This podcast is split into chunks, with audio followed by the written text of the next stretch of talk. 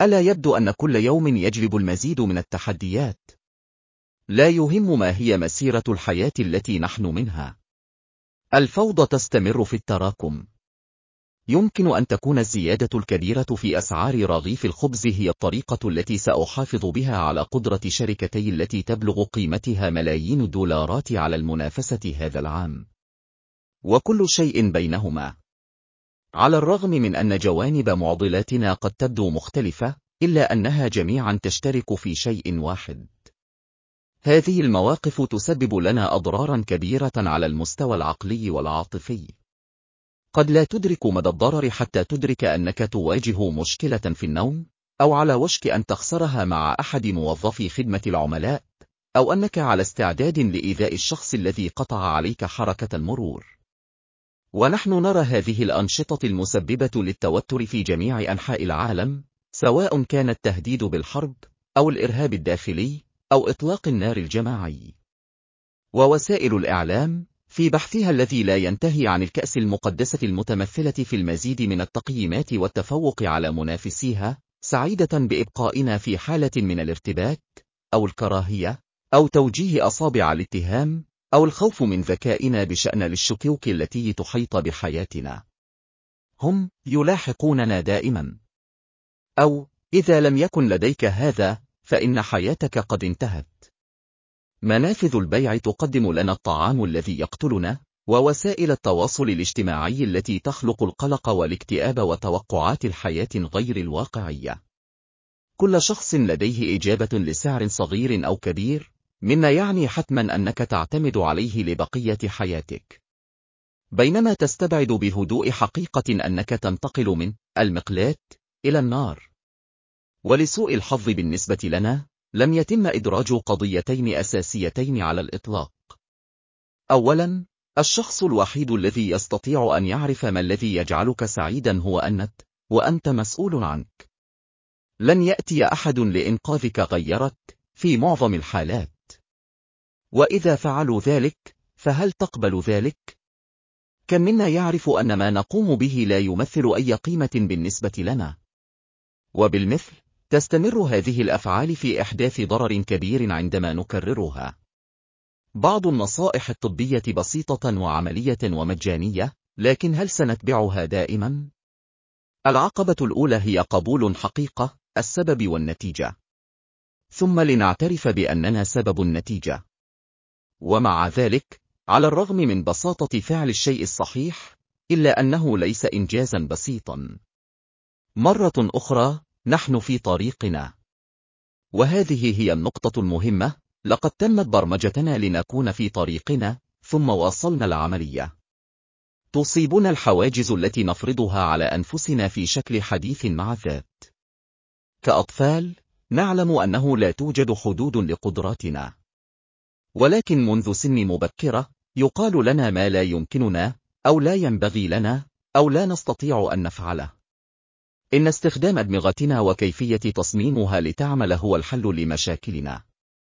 تساعدنا أدمغتنا على تحقيق ما نفكر فيه باستمرار.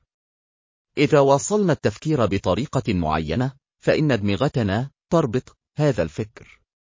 وبالتالي، سواء كانت المدخلات حقيقية أم لا، فإن أدمغتنا تقبل الأفكار على أنها حقيقة.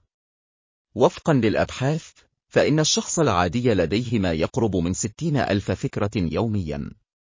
لكن المثير للقلق حقا هو أن 75% من هذه الأفكار ضرة، و95% منها متكررة. إن التفكير الواعي من خلال تبني الحديث الذاتي الإيجابي مع رفض الحديث السلبي عن النفس سيغير حياتك بسرعة. كما يوضح لنا المثلث السلوكي المعرفي، كما لو أننا لا نعرف، فإن ما تفكر فيه هو الذي يحدد ما تشعر به وما تفعله، ونتائج أفعالك تغذي أفكارك. عندما نجمع كل هذا مع السلبية التي تحاصرنا باستمرار، فلا عجب أننا نجد أنفسنا منهكين عقليا. إعادة صياغة أفكارنا هي الخطوة الأولى. قم بتغيير الأفكار مثل أنا أخطئ دائما إلى يمكنني التعلم من أخطائي. ولن أتمكن أبدا من تحسين الأمور إلى كل ما أحتاج إلى فعله هو اكتساب معرفة جديدة تساعدني في التغلب على التحديات. فيما يلي بعض آليات الدعم الإضافية لمساعدتك في رحلتك. ممارسة اليقظة الذهنية خذ لحظات على مدار اليوم للتوقف والتنفس وجذب انتباهك إلى اللحظة الحالية. انخرط في الأنشطة بوعي، وانغمس تماما في التجربة دون إصدار أحكام. قم بدمج التأمل الذهني في روتينك لتنمية الشعور بالهدوء والوضوح. إعطاء الأولوية للرعاية الذاتية. اجعل الرعاية الذاتية جزءا غير قابل للتفاوض من روتينك اليومي. خصص وقتا للأنشطة التي تغذي عقلك وجسدك وروحك. مارس الأنشطة التي تجلب لك السعادة، سواء القراءة أو المشي في الطبيعة أو ممارسة إحدى الهوايات. تأكد من أنك تنام بسلام، وتناول وجبات مغذية، وتحافظ على رطوبة جسمك. تعيين الحدود تعلم أن تقول لا للالتزامات التي تستنزف طاقتك وتطغى عليك. ضع حدودا واضحة مع الآخرين، وقم بتوصيل احتياجاتك وقيودك. قم بإنشاء مساحة مقدسة لنفسك حيث يمكنك التراجع وإعادة شحن طاقتك عند الحاجة. زراعة العلاقات الداعمة أحط نفسك بالأشخاص الذين يرفعونك ويدعمونك.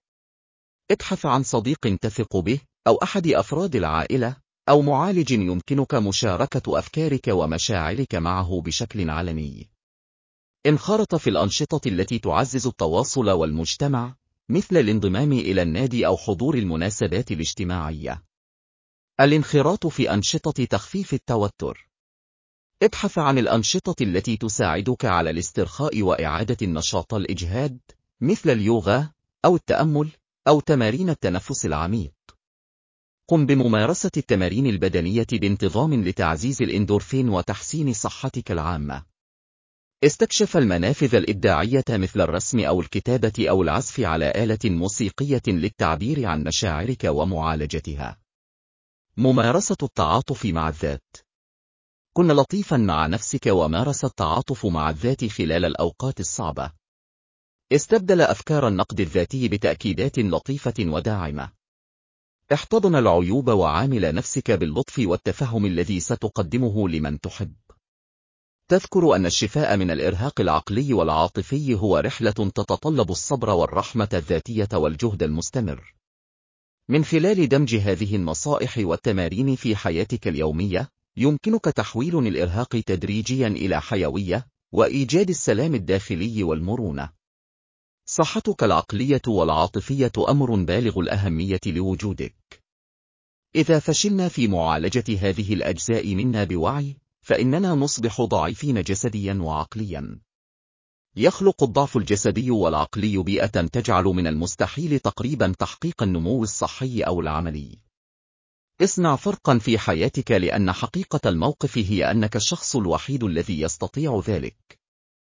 احتضن القوة بداخلك للشفاء، وقد تكون رحلتك مليئة باكتشاف الذات والنمو والطاقة المتجددة. لذلك يا أصدقائي، حتى المرة القادمة. تذكر دائما أن تكون أفضل نسخة منك. وبالمثل، أحب نفسك. أنت لست وحدك. أنت ذات صلة وجديرة. ماذا عن ذلك؟